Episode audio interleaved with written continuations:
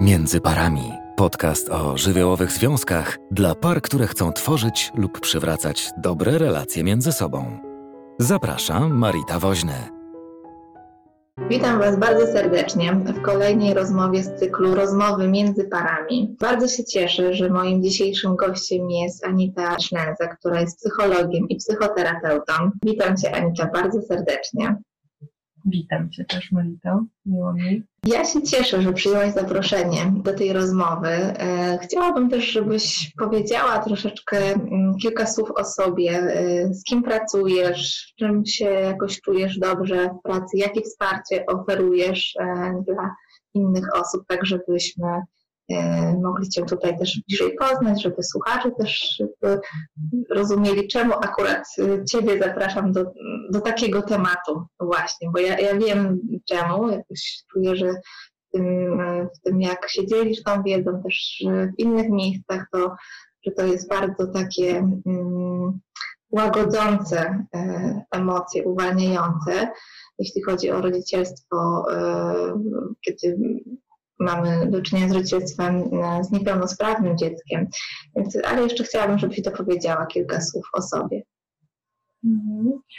E, ja pracuję jako psychoterapeuta w gabinecie prywatnym i głównie e, zajmuję się psychoterapią osób dorosłych i młodzieży po 16 roku życia, którzy zgłaszają się z różnymi trudnościami. Natomiast mam też taki obszar, mm, jakby taki szczególny, który wybrałam sobie, bo pomyślałam, e, że jest pewien brak w tym e, zakresie w pomocy psychologicznej e, w tej chwili. To jest obszar pracy takiej wspierającej z członkami rodzin, w których wychowuje się albo pojawiła się, tak, albo wychowuje się dziecko z niepełnosprawnością, albo ta niepełnosprawność się pojawiła na jakimś etapie rozwoju dziecka. Mhm. E, wyobrażam sobie, że to nie jest łatwa praca, że musimy się mierzyć z wieloma różnymi emocjami e, tego rodzica e, i ten wachlarz tych emocji jest pewnie duży i też w sensie szerokość tych emocji jest duża i siła tych emocji jest pewnie też duże. Gdyby jakoś móc w to zerknąć, to czy możesz powiedzieć, czym jest rodzicielstwo z niepełnosprawnym dzieckiem? Znaczy myślę też, że jakoś spróbuję się odnieść do tego, co powiedziałaś o hmm. emocjach, z którymi się musimy mierzyć i jakoś mam taką, e, e, takie rozumienie, że to nie my jako e, specjaliści musimy się jakby mierzyć z tymi emocjami, które pojawiają się u rodziców, tylko oni się muszą mierzyć z tymi emocjami. E, I bardziej myślę, że właśnie jakby nasza, czy moja, tak, e, tak sobie to wyobrażam, moja rola, czy nasza rola jako specjalistów polega na pomaganiu ich e, w tym, żeby te emocje mogły właśnie wybrzmieć, mogły się jakby przetoczyć przez nich i żeby oni je zaakceptowali.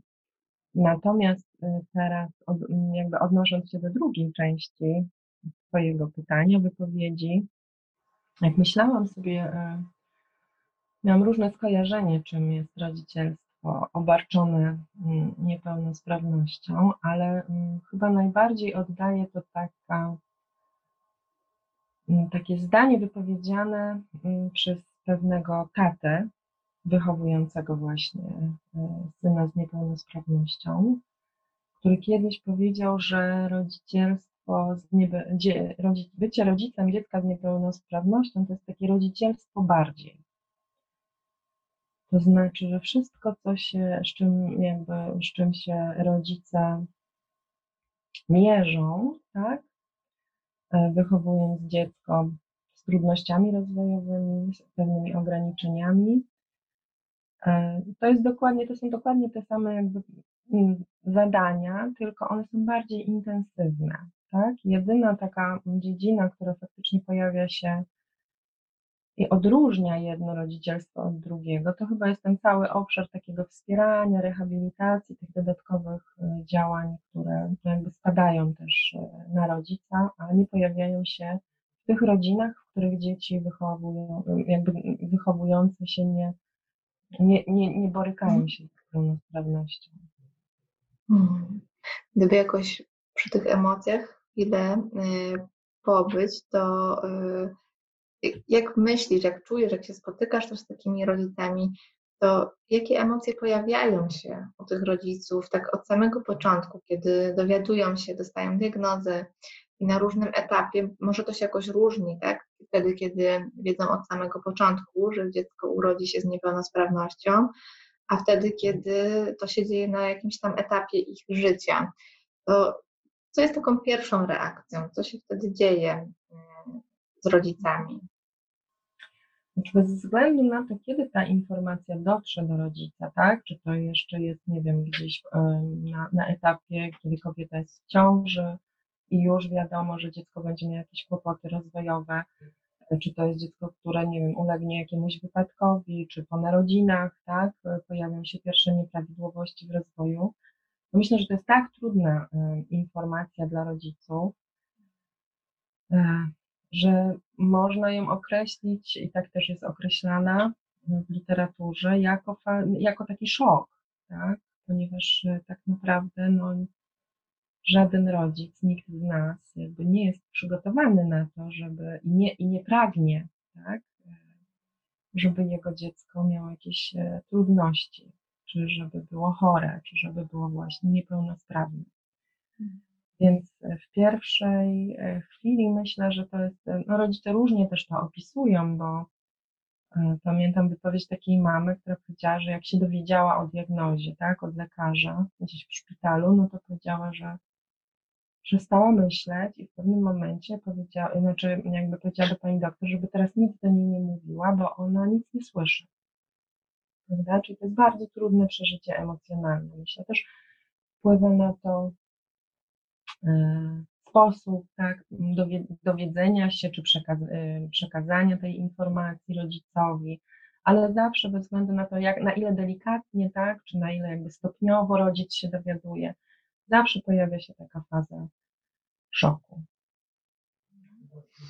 Jak sobie ludzie radzą w tej fazie, jakby co najczęściej? Czy to jest tak trochę podobnie jak z żałobą, że nie wiem, przeczą, szukają innych lekarzy na przykład, innych diagnoz, y, czy jeszcze jakoś inaczej to się objawia? Znaczy myślę, że takim naturalnym pierwszym, y, tak jak mówisz, tak, jest to na pewno y, ten proces jest podobny jakoś do, do procesu żałoby, przez który zresztą rodzice mm, dzieci z niepełnosprawnością jakoś muszą przejść tak czy inaczej. E, ale ten, e, ten, ten pierwszy okres to jest faktycznie jakoś, nie wiem, takie niedowierzanie, takie, próba takiego zanegowania tego, e, próba jakoś mm, mocowania się z tą informacją, tak, jakoś podważania jej, nie, bo to też zależy, czasami jest tak, że ta diagnoza jest na początku od razu jednoznaczna i wiadomo, z czego wynik, będą wynikać, czy wynikają trudności dziecka, ale czasami to jest taka sytuacja, kiedy do końca nie wiadomo, tak, dlaczego mm, to dziecko się nie rozwija nieprawidłowo, czy jakieś no, zdrowotne, tak, więc mm, generalnie chyba jest też tak, że jak to jest jakaś konkretna diagnoza, to, ten, mm, to jest trochę jakby łatwiej, tak, bo wtedy nie ma całego tego obszaru, e, w którym jest taka niepewność, mhm. tak? którym można jeszcze, nie wiem, spekulować, dywagować, właśnie podważać, y, konsultować z innymi lekarzami, poszukiwać, łatwiej jakoś jest to przyjąć. Oczywiście no, w takim pojęciu, że to nie jest prosty. prosty. Czyli paradoksalnie, mimo tego, że to jest takie trudne, to łatwiej jest jakoś, nie wiem, zacząć być może ten proces godzenia się z tym, kiedy nie ma już innej alternatywy i to jest jakoś jasne. Tak to rozumiem, o czym mówisz. A co się pojawia po tej fazie szoku? Z czym, z czym dalej musi się para mierzyć, rodzice? Myślę, że później e, właśnie na, na, mm, jakoś na, nadchodzi ten etap. E, on jest też e, opisywany jako kryzys emocjonalny mm, u rodziców. Natomiast ja myślę, że on jest też związany z, jakby z przeżywaniem żałoby. Może to jest takie dziwne, dlatego że dziecko jest, tak, w rodzinie, nic, e, no nie wiem, żyje, a jednak rodzic pogrą- może się pogrążyć w jakimś takim procesie związanym z żałobą. Jest to żałoba po utracie oczekiwań zdrowego dziecka. Tak? Czyli jakby to jest taki proces, kiedy rodzic musi się pogodzić z tym, że jego dziecko jednak nie będzie zdrowe, tak? nie będzie się prawidłowo rozwijać, będzie się różniło od swoich rówieśników, będzie wymagało większej troski, czy większego wsparcia.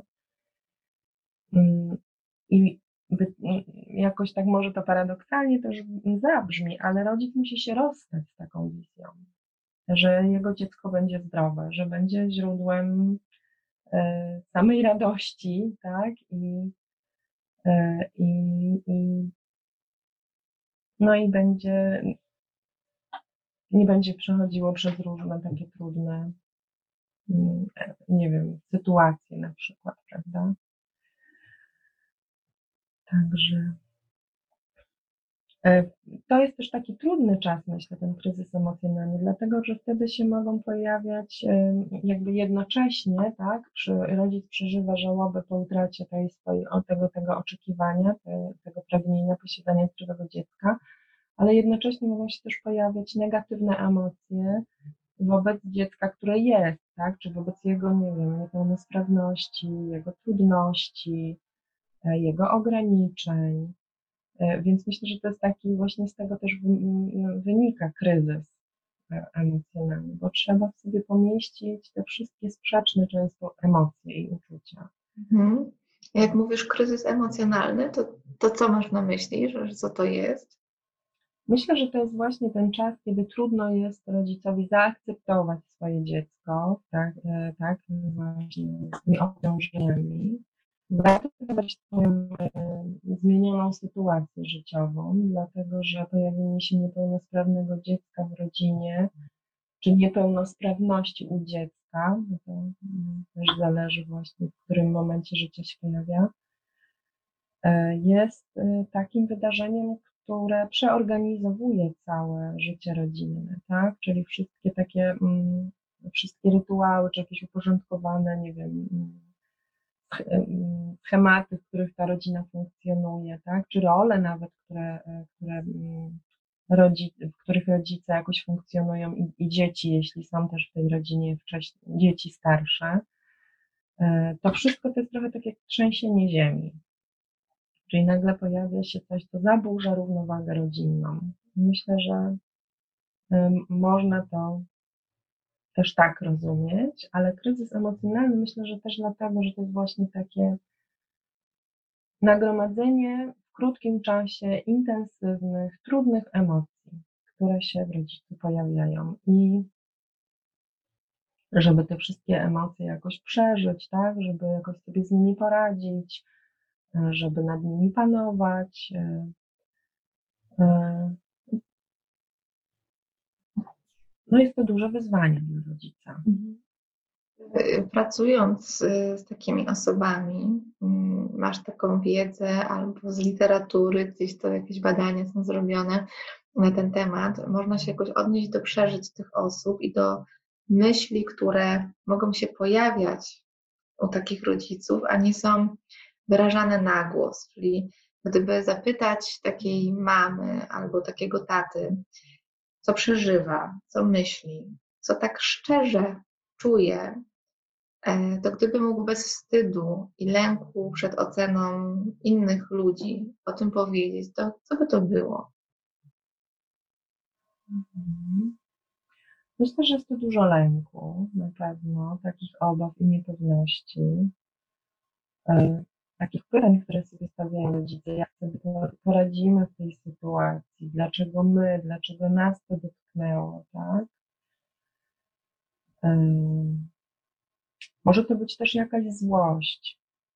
Nie wiem, czy o to pytasz, takie konkretne właśnie mhm. przeżycia wewnętrzne. Może to być też właśnie złość na tę sytuację, taka niezgoda, niechęć, e, żeby w ogóle podejmować tak, to wyzwanie to są takie, no, y, tak, czasami się zdarza, na przykład rodzice się obwiniają też, tak, i myślą sobie, a gdybym na przykład to zrobił albo tego nie zrobił, może by do tego nie doszło.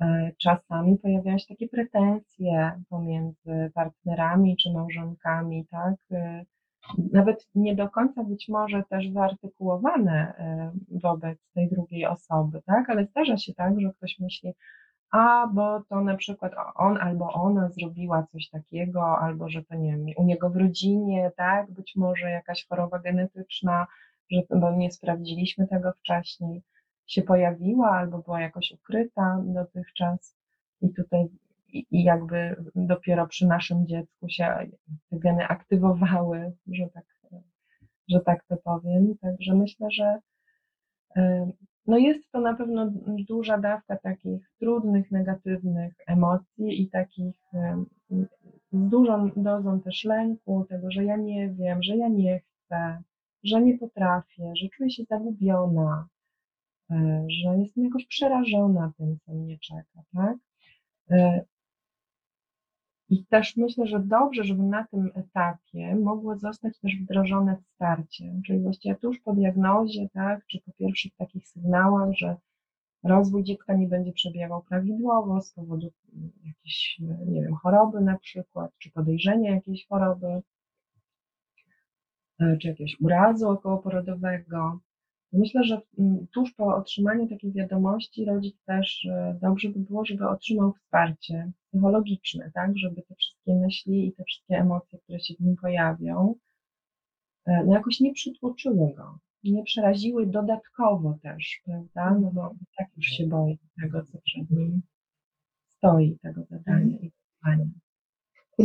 Takie wsparcie e, w Polsce jest możliwe bezpłatnie, czy ludzie mogą to znaleźć, to jest jakby tak z urzędu e, oferowane, czy raczej to jest coś, co muszą sobie szukać na własną rękę i zadbać o to, czy też ktoś kieruje, bo też e, powiedziałaś na samym początku, że trochę zależy od tego, jak ta diagnoza jest na samym początku też przekazana, pewnie przez lekarza, patrząc na to, jak różne diagnozy są nam przekazywane, e, to jednak ośmielę się powiedzieć, że no, często personel nie jest przygotowany do tego, jak mówić o tych trudnych y, rzeczach y, osobom, które no, na przykład nie wiem, utraciły dziecko albo dziecko właśnie urodzi się z jakąś niepełnosprawnością. I trochę to jest jakby zasługa tego systemu, który tak funkcjonuje, bo mam też doświadczenie spotykania się na przykład z lekarzami, czy ratownikami medycznymi, czy w ogóle osobami, które pracują jakoś w służbach, skarżących się na to, że im jest trudno i oni naprawdę nie wiedzą, jak to zrobić, że to są wymagania dla nich jakby ponad możliwości. No ale z perspektywy tego rodzica, który tego doświadcza, to czy jest y, jakaś procedura, o której ty wiesz, że taki rodzic jest gdzieś później kierowany, może tą pomoc dostać, czy raczej musi to zrobić we własnym zakresie i na własną rękę? Znaczy ja nie posiadam takiej szczegółowej wiedzy na ten temat, jak w tej chwili to się, e, to się odbywa na różnych oddziałach, tak? Bo tą diagnozę rodzic może jakby no też na różnym oddziale e, otrzymać e, szpitalnym. Mm, natomiast myślę, że jednak coraz częściej jest też tak, że jest możliwość skorzystania z konsultacji psychologicznej w, no, w szpitalach na przykład.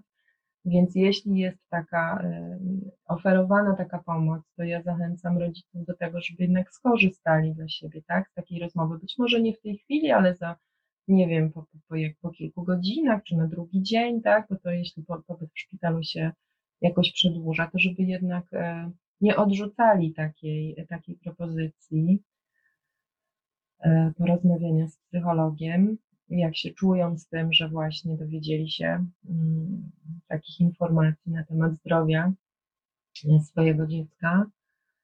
E, czy jest też procedura? No nie, nie wiem.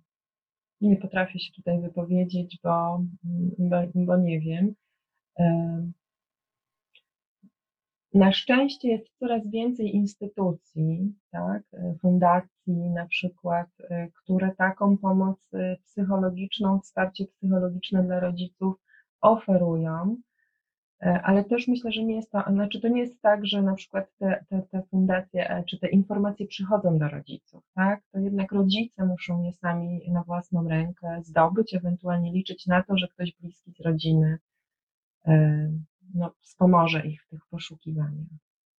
Natomiast ja też e, tak myślę, że być może rodzice mogą czasem popełnić taki błąd e, zaniedbania siebie w takiej sytuacji kryzysowej, ponieważ jak się dowiadujemy, że coś się dzieje z naszym dzieckiem, no to jak gdyby cała uwaga e, i cała miłość jest przekierowana jednak na dziecko, tak, że jakby człowiek, rodzic, tak, chce się dowiedzieć jak najwięcej o chorobie, co, co może go czekać, co, co będzie czekało dziecko, tak, jak zabezpieczyć potrzeby dziecka, e, do jakiego kolejnego specjalisty się udać, jeśli dostanie takie wytyczne, tak, czy jakie kolejne badania trzeba wykonać. I gdzieś ta osoba rodzica w całym tym procesie, e, też przez samego rodzica, może zostać pominięta tak? Bo wtedy wiadomo, że trzeba się skupić na działaniu, że musi być mobilizacja, no ale to nie znaczy, że rodzic nie przeżywa tych wszystkich trudnych stanów emocjonalnych i że nie przeżywa tych swoich rozterek wewnętrznych, tak? Mhm. No też wydaje mi się bardzo ważne, że to yy, kiedy rodzic zaczyna być w takiej roli pomocowej też dla swojego dziecka, to też musi bardzo brać tą pomoc z zewnątrz, żeby yy, być w stanie tą pomoc dalej przekazywać dziecku.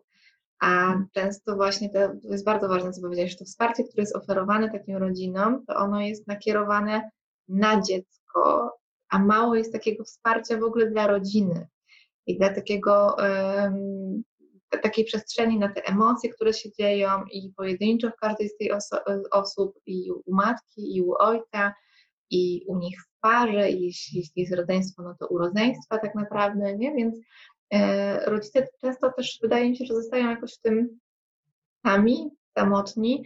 Ja e, rzadko mam okazję pracować z takimi parami, ale zdarzało mi się mieć kontakt bardziej z osobami, które były w takich związkach i jakoś sobie radziły, mm, no ale efekty były tego takie, że w tym zapomnieniu o sobie i o sobie nawzajem no to spotykaliśmy się w gabinecie też, tak, z tego powodu, bo e, te, te życie pary było gdzieś na dalszym planie.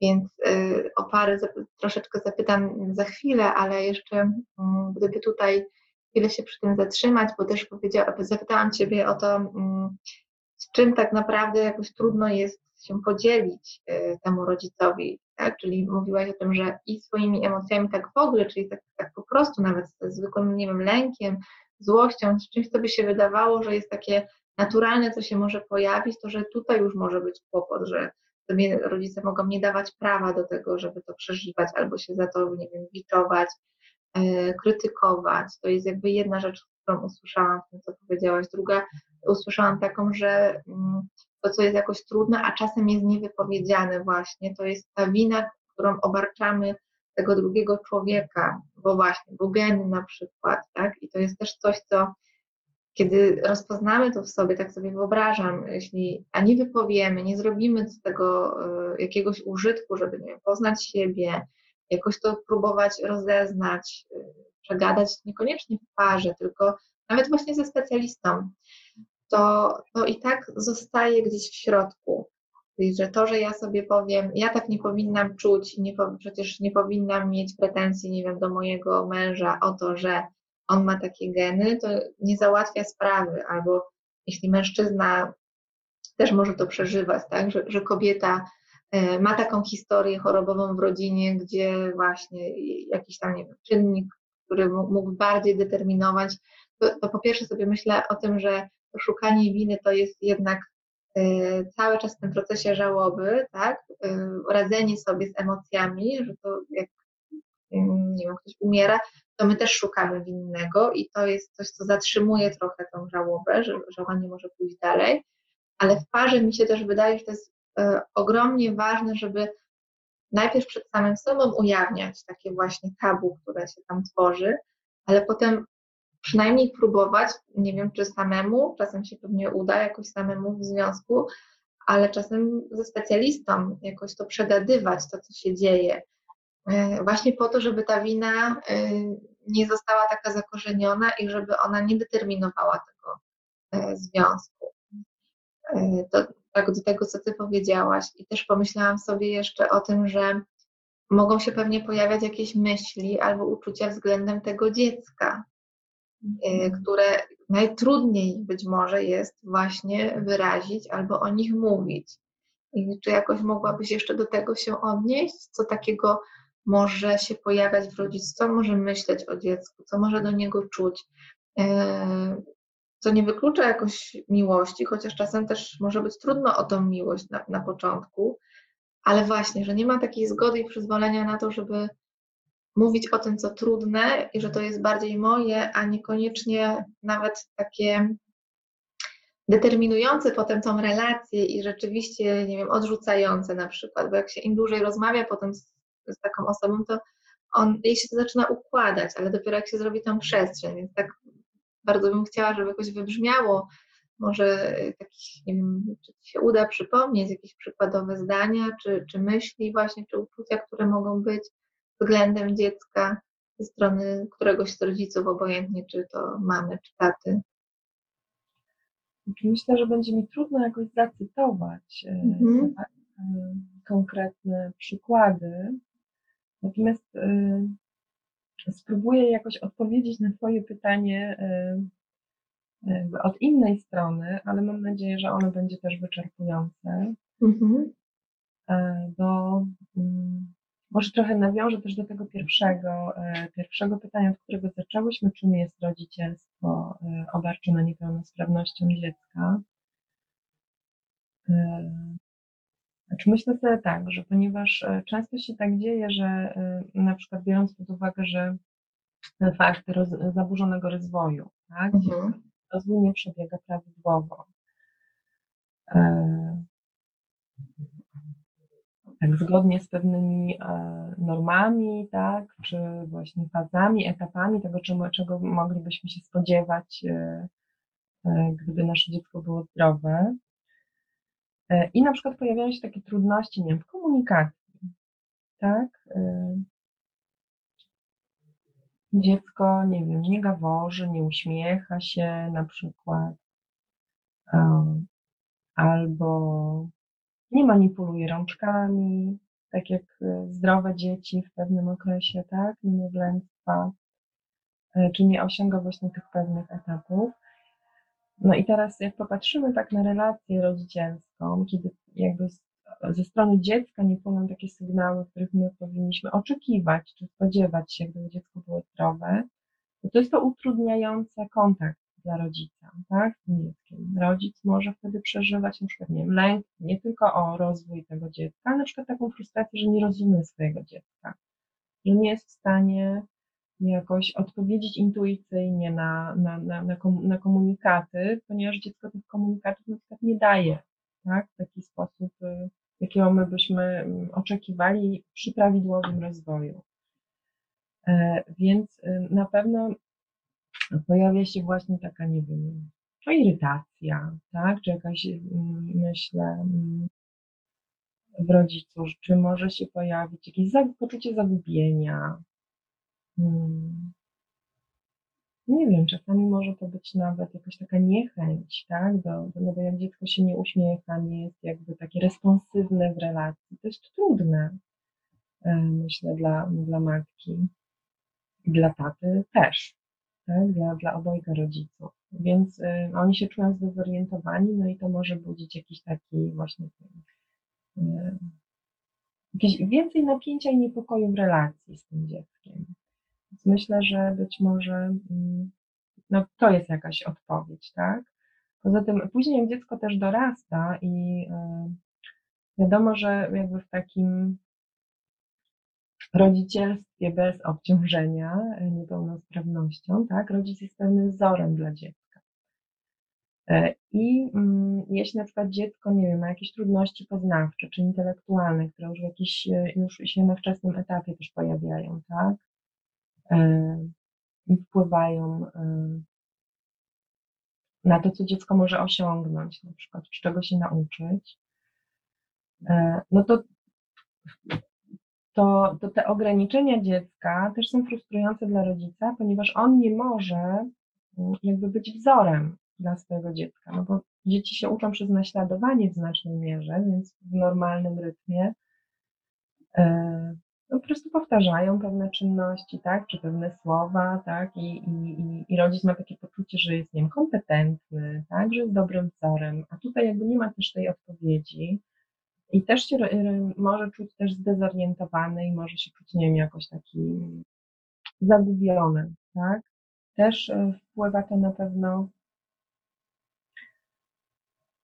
e, no myślę, że to wpływa na relacje, tak? Pojawia się też irytacja w rodzicu, bo, bo to jest tak, że my niby rozumiemy, tak? Czy jakby rodzic rozumie, że, że, że rozwój tego dziecka, on nie będzie przebiegał tak standardowo, Niemniej jednak no ciągle w nim jest y, takie, gdzieś takie oczekiwanie, tak, albo taki żal, no ale dlaczego, tak, albo no ale jakby my oczekujemy naturalnie, że wszystko będzie przechodziło z etapu na etap, tak y, jak to E, się odbywa mm, w trakcie rozwoju zdrowego dziecka. Więc to oczekiwanie jest w rodzicu, tak? Nawet pomimo tego, że on dostanie wiedzę od specjalisty, że to dziecko nie jest w stanie. I to jest takie jakby rozdarcie pomiędzy wiedzą a uczuciami, które się ma w środku. E, to może generować też właśnie różne takie negatywne uczucia do, do, do dziecka, tak? Które wydają się być no nie mogę powiedzieć, że absurdalne, bo one są realne, ale że są jakieś y, nieadekwatne, tak?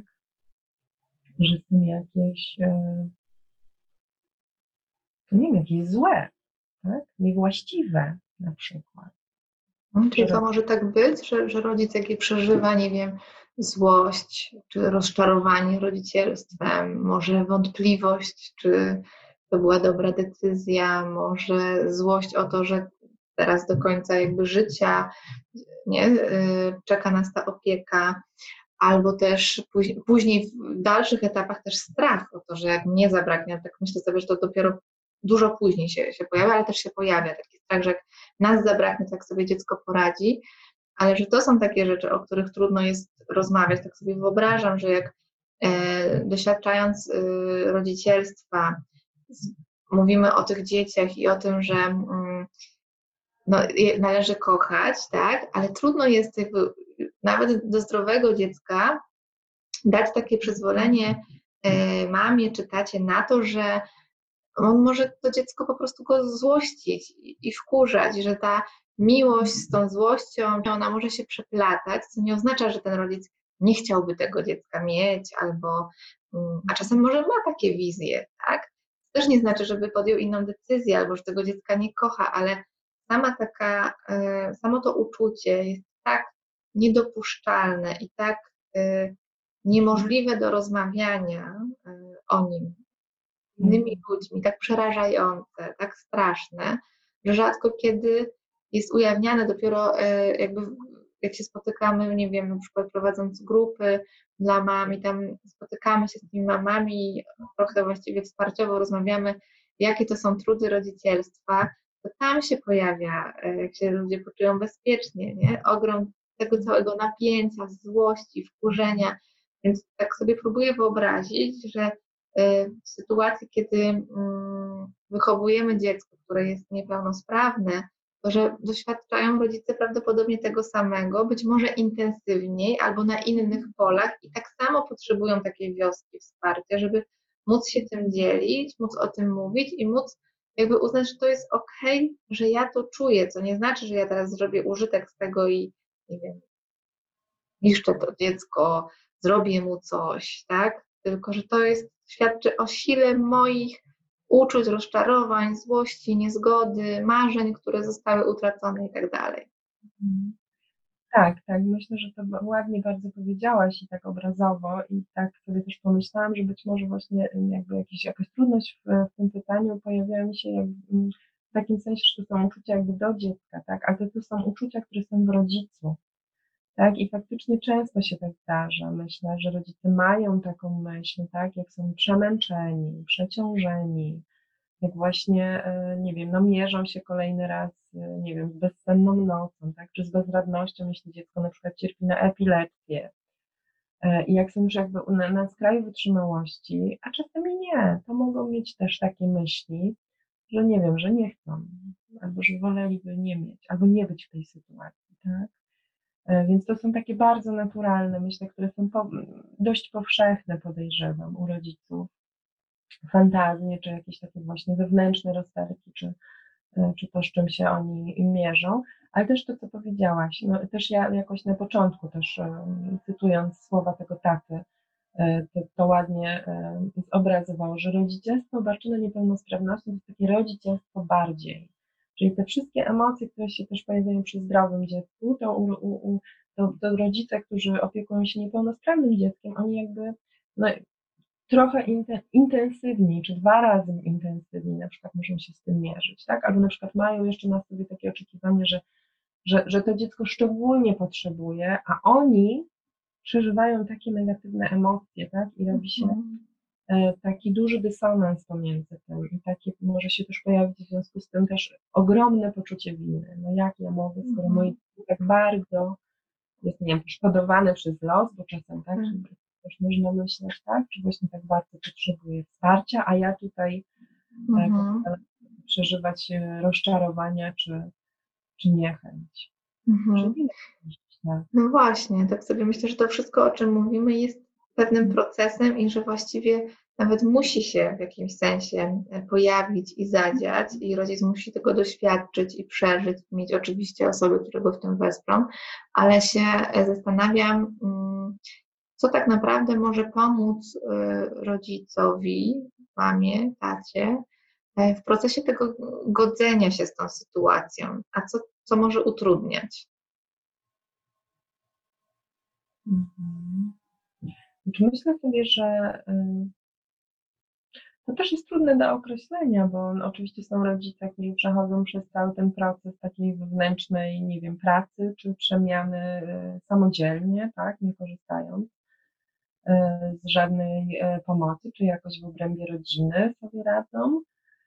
Natomiast to, co może, mm, także, bo jakby za tym stoi też taki pomysł, że jak ktoś, nie wiem, jest w takim dużym osamotnieniu, tak, no to na, prawdopodobnie to jakoś utrudnia, tak, że można jakoś łatwiej się e, mierzyć z tym doświadczeniem, na przykład, nie wiem, korzystając e, ze wsparcia różnego rodzaju, niekoniecznie jakby w gabinetach, tak, psychologów, ale choćby poszukując różnych grup rzeczywistości funkcjonujących. No teraz mamy taką rzeczywistość, że grupy stacjonarne jest dosyć trudno, niemniej jednak pewnie takie gdzieś e, się spotykają e, poza okresem pandemicznym, ale myślę też o takich grupach wsparcia, nie wiem, dość prężnie działających w internecie, tak, czy jakichś forach. No, znam mamy, które jakoś radziły sobie właśnie poprzez poszukiwanie różnych informacji na forach rodziców, E, jakoś skupionych wokół jednej choroby, tak? No ja mam na myśli teraz na przykład zespół Downa, który się pojawia u dzieci, tak? I, i, i rodzice, mm, dzieci z tą diagnozą tak są dosyć, e, myślę, mocno e, zrzeszeni, tak? Tak można powiedzieć. No ale też pojawiają się, nie wiem, takie grupy wsparcia, którzy jakby takie oddolne, tak, tworzone przez rodziców e, dzieci borykających się z innymi chorobami. Więc to jest, myślę, ogromna taka siła, która e, pomaga rodzicom zmagać się z takim doświadczeniem.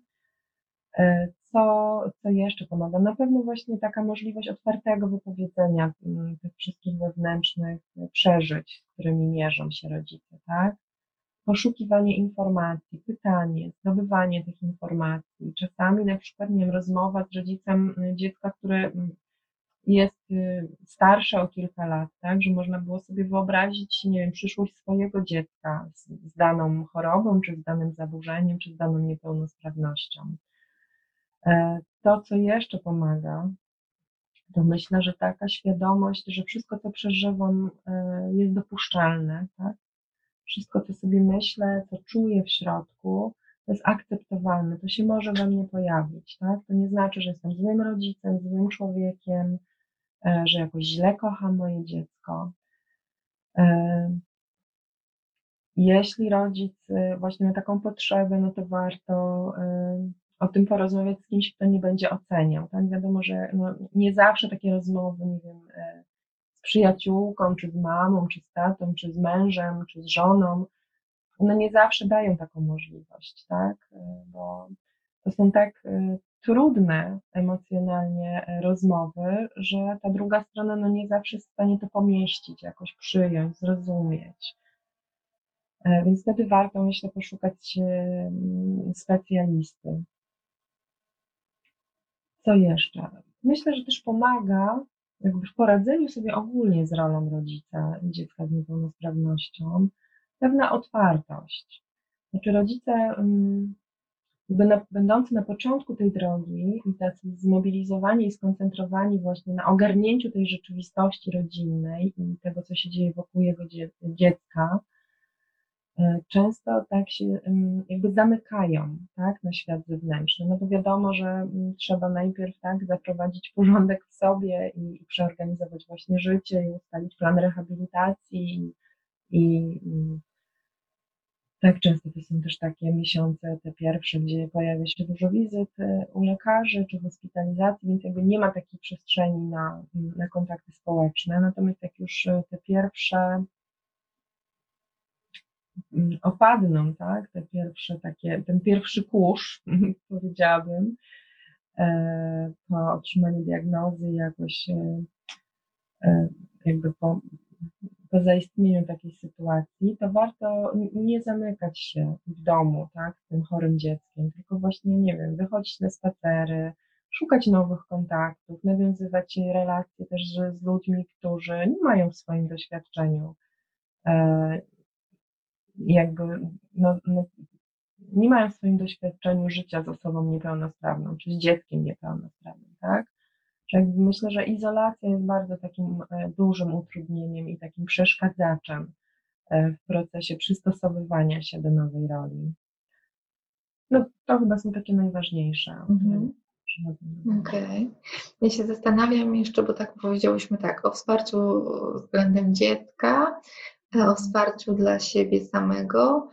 E, no i się zastanawiam, co z taką rolą kobiety czy mężczyzny, czyli takiego spojrzenia trochę na tą parę, już nie jako rodzicielską, ale taką i parę małżeńską, i na tą mamę nie jako mamę, tylko kobietę, i na tatę jako mężczyznę.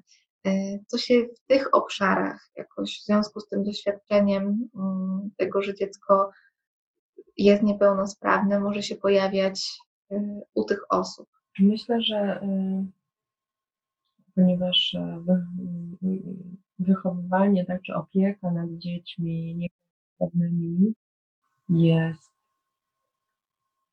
bardziej absorbująca, to często się zdarza, że rodzice faktycznie jakby bardzo dużo uwagi poświęcają swojej roli rodzicielskiej, gdzieś zaniedbując może, tak, swoje, nie wiem, e, swoje takie aktywności niezwiązane z tą rolą, tak, no wiadomo, że jakby jedno z rodziców, kiedy pojawia się mhm.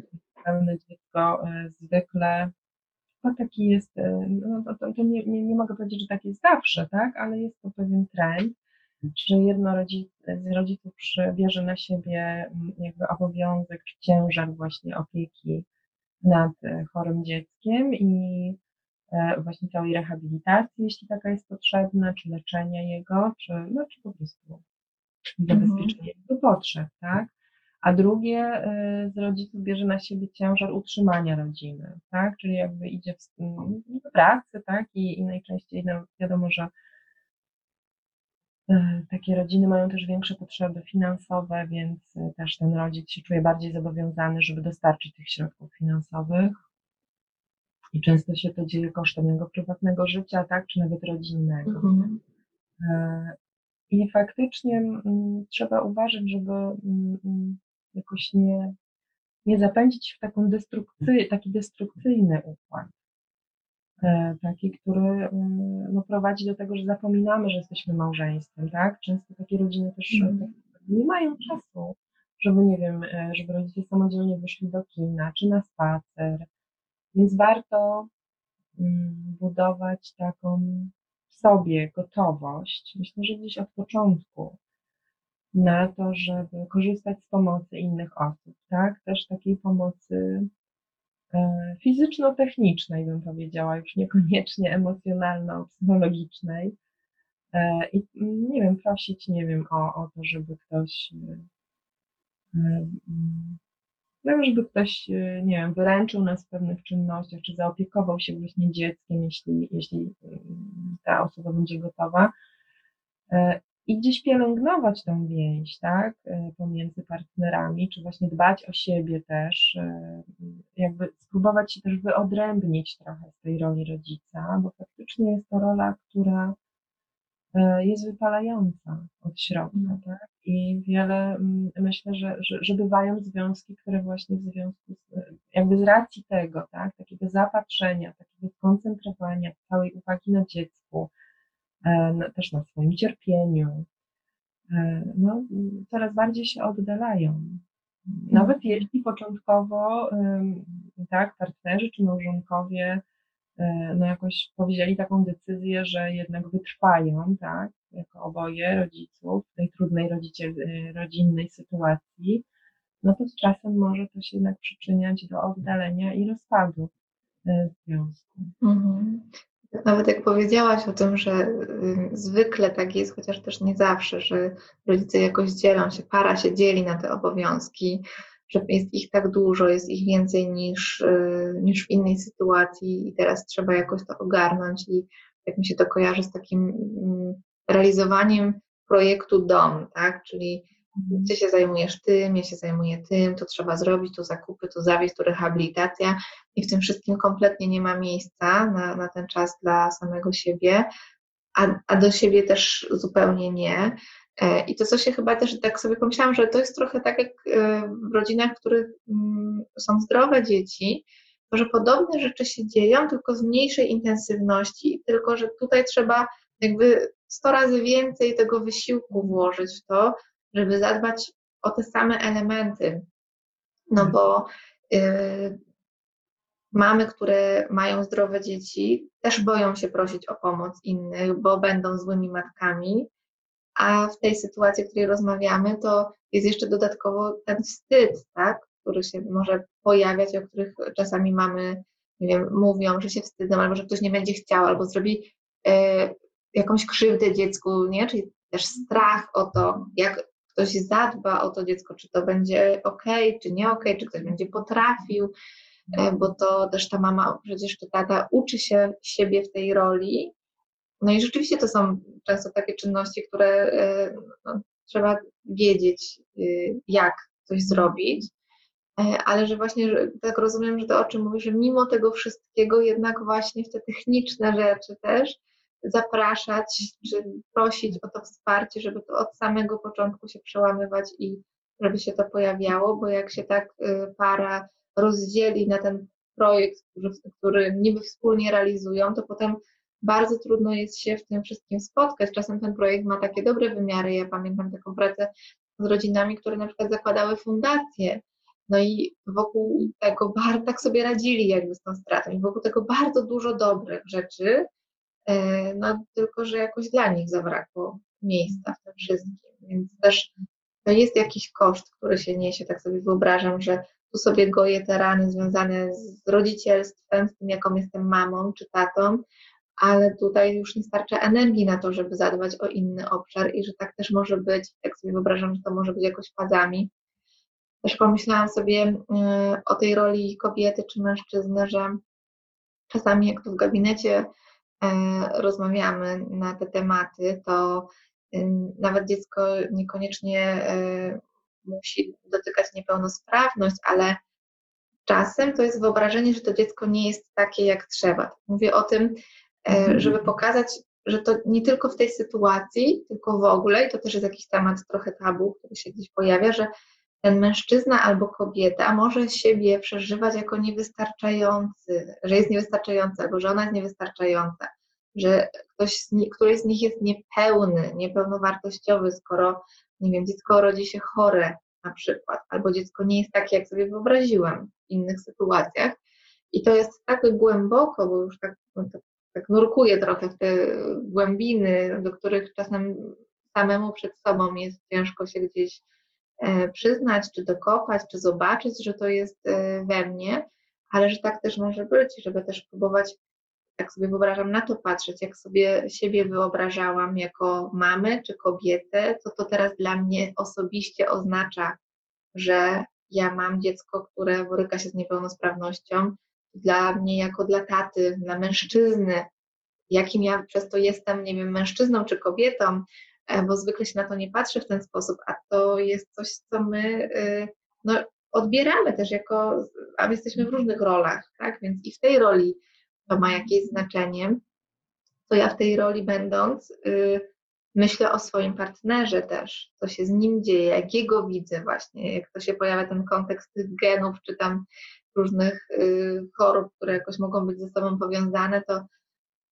na ile jakoś ta wściekłość czy złość, że gdybyś nie ty, to byłoby mhm. może inaczej, żal, tak, wszystko może naraz, y, też dzieli parę y, i wydaje mi się, że to są takie obszary na terapię jednak do rozmawiania już, ale żeby mieć taką uważność i świadomość, że czasem to nie chodzi o tą komunikację, o to, żeby coś lepiej zrobić, właśnie bardziej się postarać w tym realizowaniu tych obowiązków pomiędzy partnerami e, czy, czy w domu, ale też poszukać trochę głębiej, mm, o co nam chodzi, co my przeżywamy, nad, czym my tam rozpaczamy czy płaczemy.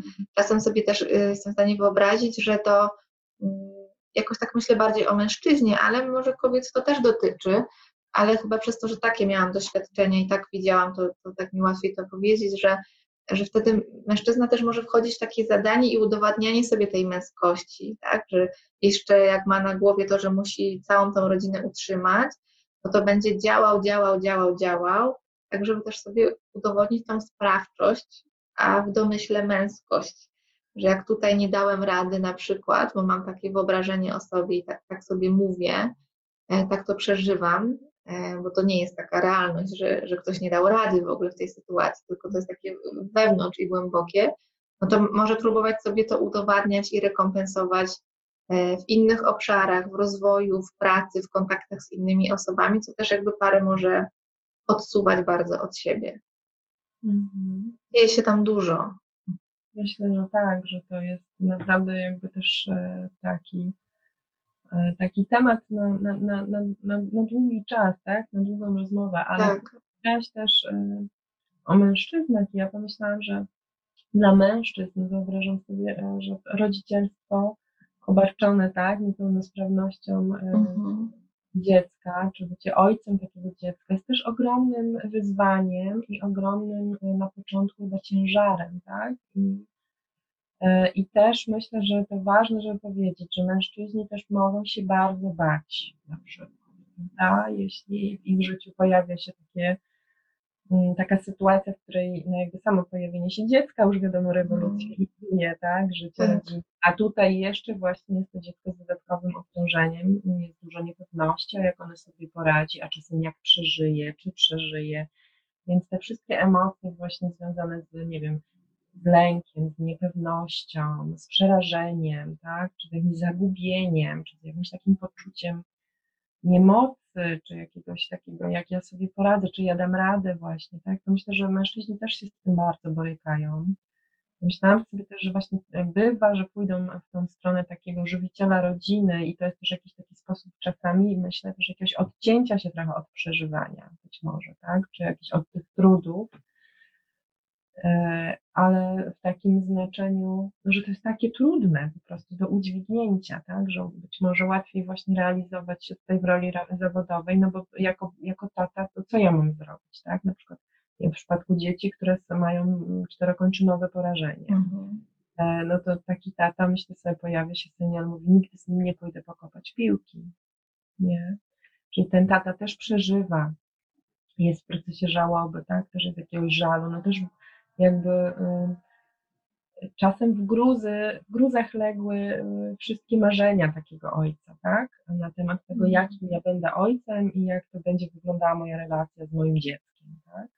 Trzeba to i przepracować z jednej strony, tak? Jakoś w ogóle dopuścić do siebie, myślę. Myślę, że o ile kobiety jakoś właśnie chyba tak e, łatwiej, mamy chyba większą łatwość, tak, e, w jakoś takiej komunikacji emocjonalnej, choć różnie to bywa, to myślę, że jednak u mężczyzn jest pewna bariera, tak. Łatwiej jest, jeśli ta bariera w ogóle dotyczy takiego wyrażania e, czy mówienia o, o swoich przeżyciach w relacji, ale czy z drugim mhm. człowiekiem, Gorzej, jak sam mężczyzna przed sobą, tak, jakoś mhm. zamyka ten e, fragment swojego mhm. serca mhm. i nie chce tam zaglądać i, i jakoś myśli, że on nie przeżywa tych wszystkich uczuć i emocji. Wtedy to jest dużo trudniejsze.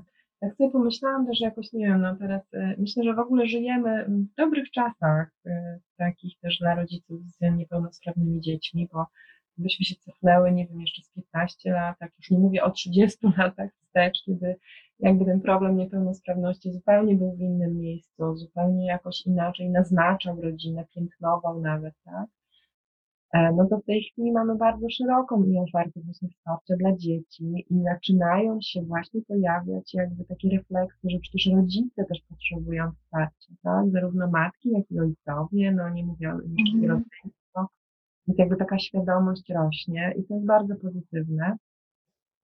Ale też, e, no właśnie te rodziny, myślę, że dzięki temu, że ta świadomość jest coraz większa, tak, ale też my jesteśmy inni jako ludzie, e, to też e, łatwiej nam wyjść być może, tak, z tego kręgu zawstydzenia takiego, takiego napiętnowania i mówię to z taką myślą właśnie o tych wszystkich ojcach, którzy na przykład biegają maratony mhm. z dziećmi na wózkach. Tak? Uważam, że to jest cudowny ruch i to jest właśnie taka ścieżka, w którą e, na szczęście wielu mężczyzn ma szansę się gdzieś tam e, skierować, tak, że właśnie przestają się wstydzić tego i mogą się też realizować e, w roli ojca i w roli rodzica właśnie w taki sposób, tak, mhm. że ten kontakt tak budować, no czasami to jest jakieś rozwiązanie i daje też taką, no, ten rodzaj satysfakcji. No pomyśl, pomyślałam sobie, że to jest jakaś droga poszukiwań tak naprawdę. E, nie takiego standardowego rodzicielstwa, tylko realizowania się w tym rodzicielstwie, tylko czasem w zupełnie innych obszarach, które mm, w sytuacji, e, kiedy dziecko byłoby zdrowe, no nie doświadczylibyśmy albo nie mielibyśmy potrzeby, żeby szukać w taki sposób, jak mówisz o tych maratonach, nie? że to nie jest coś takiego e, innego. E, więc to, to jest no, poszukiwanie, jak poszukiwanie, to ono trochę trwa. Też pomyślałam sobie jeszcze o tych parach, właściwie no, jak jest tak dużo tego wszystkiego, to one mogą zadbać o siebie, żeby jednak ten kryzys, który się też pojawia w związku, e, przetrwać. E, ja sobie myślę, że mm, to, co się może pojawiać w parze e, w całej tej sytuacji, to mm, trochę to jest stereotypowe, ale ja podam na przykładzie kobiety i mężczyzny. Kobiety, która jest bardziej emocjonalna i mężczyzny, który jakoś tam mm, jest mniej emocjonalny, ale też od razu chcę powiedzieć, że no, muszę użyć jakiegoś przykładu, takiego użyję, bo to jest częstszy scenariusz, ale może być też zupełnie odwrotnie. Natomiast e, sobie wyobrażam taką sytuację, że jak mama e, doświadcza, tak, kobieta doświadcza takiego rodzaju rodzicielstwa i przeżywa różne trudne emocje, które się w związku z nią dzieją, to no właśnie, może mieć bardzo na wierzchu i złość, i żal, i smutek, i bezradność. I czasem z tym, tymi emocjami bardzo prowokować tego mężczyznę do tego, żeby on coś z tym zrobił. Czy on właściwie może tak odczytywać, bo to nie musi być zupełnie jej intencją, ale trudno jest parze wtedy być ze sobą w tym trudzie. Czyli najczęściej dzieje się tak, że kobieta przeżywa emocjonalnie, bo się boi, bo, e, nie wiem, boi się straty, boi się o to dziecko, boi się o siebie, boi się o przyszłość i tego lęku jest tak dużo i w parze robi się klimat takiej bezradności, ale że nawet o bezradności myślę, że nam jest trudno rozmawiać, tak w ogóle w życiu, a co dopiero w takiej sytuacji. I znoszenie bezradności jest taką, no, torbą, tak? Robimy wszystko, żeby się w bezradności nie taplać. E, więc tak naprawdę, kiedy ktoś przeżywa intensywne emocje, to my jako psychoterapeuci trochę się uczymy tego przecież też wiele lat, żeby umieć komuś towarzyszyć w tych emocjach. Czyli niekoniecznie coś, nie wiem, robić, radzić, mówić sensownego. I że ta druga strona e, w tym związku, bez względu, jak tutaj w tym przykładzie naszym to mężczyzna, ale równie dobrze kobieta, no, mamy taki odruch, żeby jakoś tam mu komuś pomóc, coś mu zrobić, załagodzić te emocje. Jak chcemy załagodzić te emocje, to właśnie łatwo nam jest sięgać po rozwiązania różne. Pary czasami mówią tak, y, ja przeżywałam intensywnie, a ty mi mówiłeś, żebym ja tego nie czuła, żebym się wzięła w garść, żebym coś zrobiła, że nie ma powodu, że przecież damy sobie radę.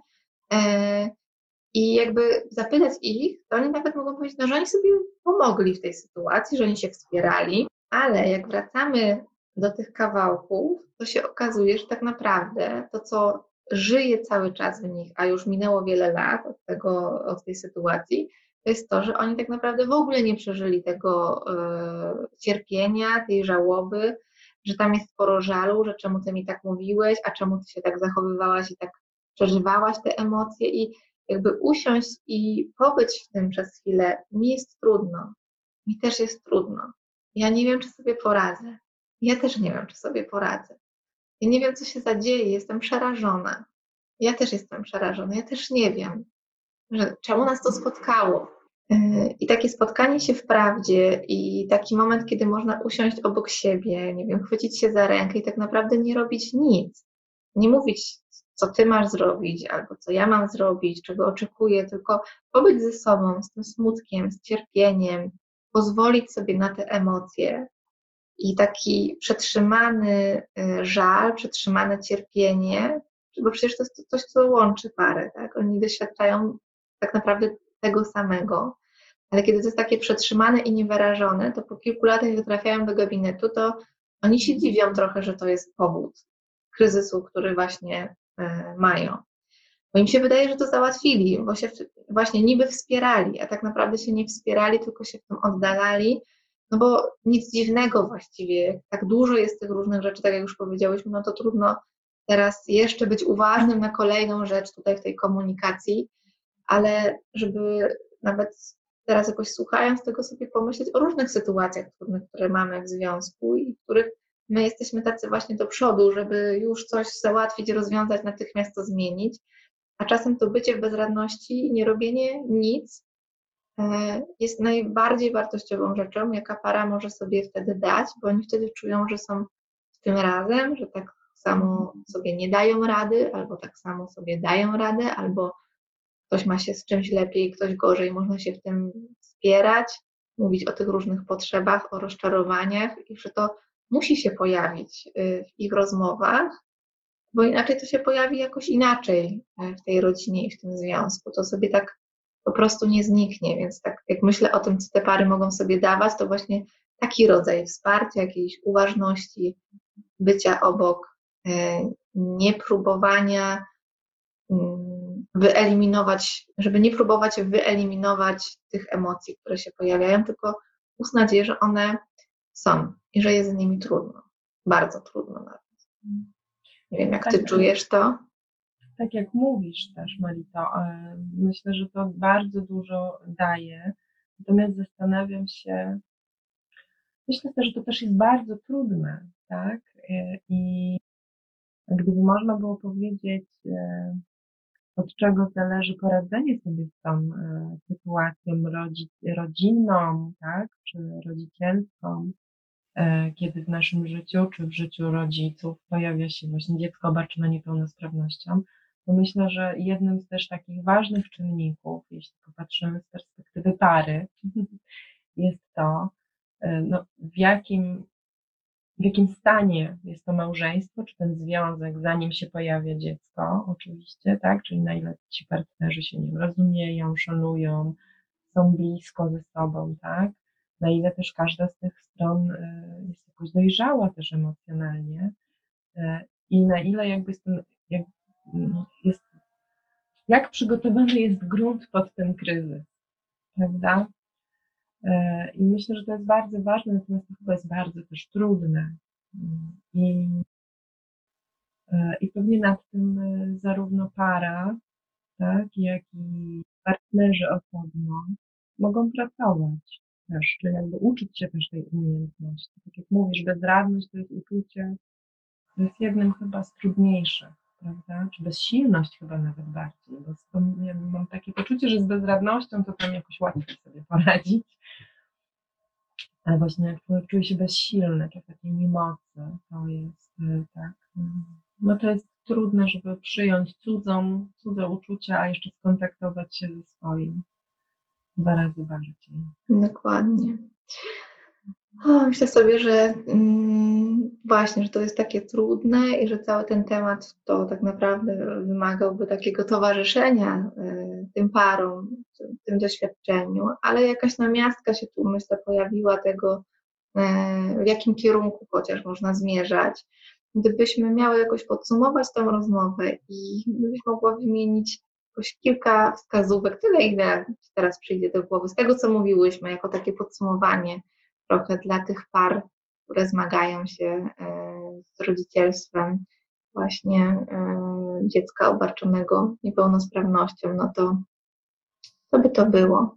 Pierwsze, co mi przychodzi do głowy, e, to żeby sobie dać zarówno czas, tak, na jakieś oswojenie się z tą sytuacją i taką perspektywę, że, że to jest kryzys, tak, Y, to jest zadanie jakieś, wyzwanie y, i że jest duża szansa, że my sobie z tym będziemy w stanie poradzić, tak? Ale stopniowo, małymi krokami i powoli.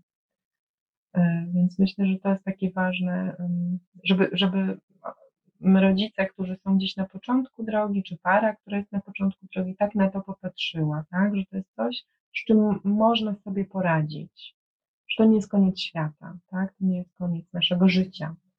To być może jest koniec życia, które znamy, tak? Ale, e, ale jest to też jakiś początek. E, myślę że też warto, żeby mm, rodzice, tak, zarówno mamy, jak i ojcowie wiedzieli, że będą się w nich pojawiały bardzo trudne uczucia i że to też jest naturalne, tak? I że mogą tego doświadczać. Że, że też bym zachęcała do poszukiwania pomocy, nie tylko dla swojego dziecka, tak, które jakby wiadomo jest priorytetem, ale to jest taki priorytet z taką gwiazdką.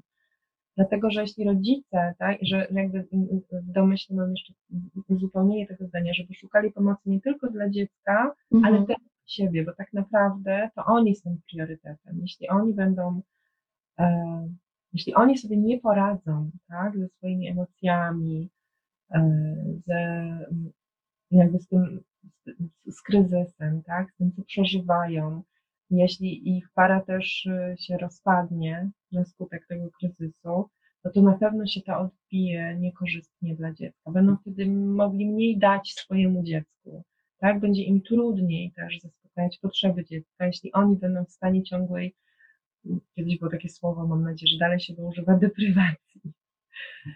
E, także e, e, i żeby jakoś e, no, byli tacy uważni na siebie też wzajemnie, tak?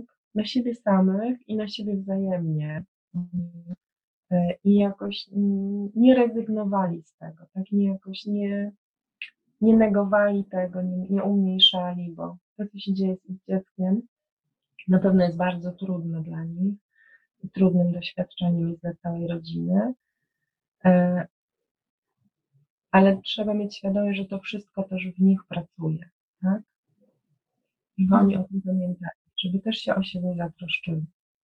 Mhm. To tak najprostsze. Tak.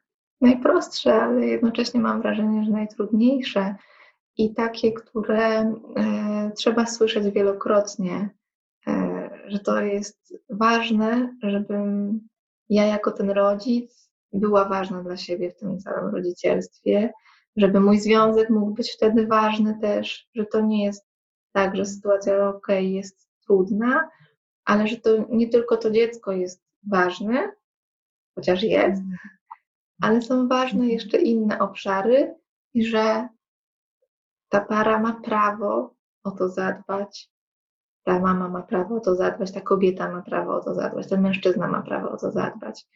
Mm, o te różne pola, które ważne są w całej tej sytuacji rodzinnej. Więc myślę, że to jest takie mm, coś na koniec, co może zostać z osobami, które nas słuchają, więc e, mam nadzieję, że ten mały wycinek tego, co się dzieje w takiej rodzinie, będzie tutaj pomocny dla tych osób, które słuchają tego. Możecie też nam dać znać, jak to dla Was, czy, czy to jakoś Was wspiera i czy to pomaga i jak, jak Wam jest takimi doświadczeniami, jeśli macie chęć się podzielić. E, ja Tobie dziękuję, Anita, za to spotkanie, e, za tą rozmowę na, na trudny temat, Twoją otwartość i ciepło. Powiedz tylko na koniec jeszcze, gdzie można Ciebie znaleźć. Na znaczy, no, to może najpierw powiem, że ja też dziękuję za zaproszenie i za to, że się zdecydowałaś jakoś poruszyć e, ten trudny temat, tak? I że mogłam jakoś zmierzyć się z rozmową, tak?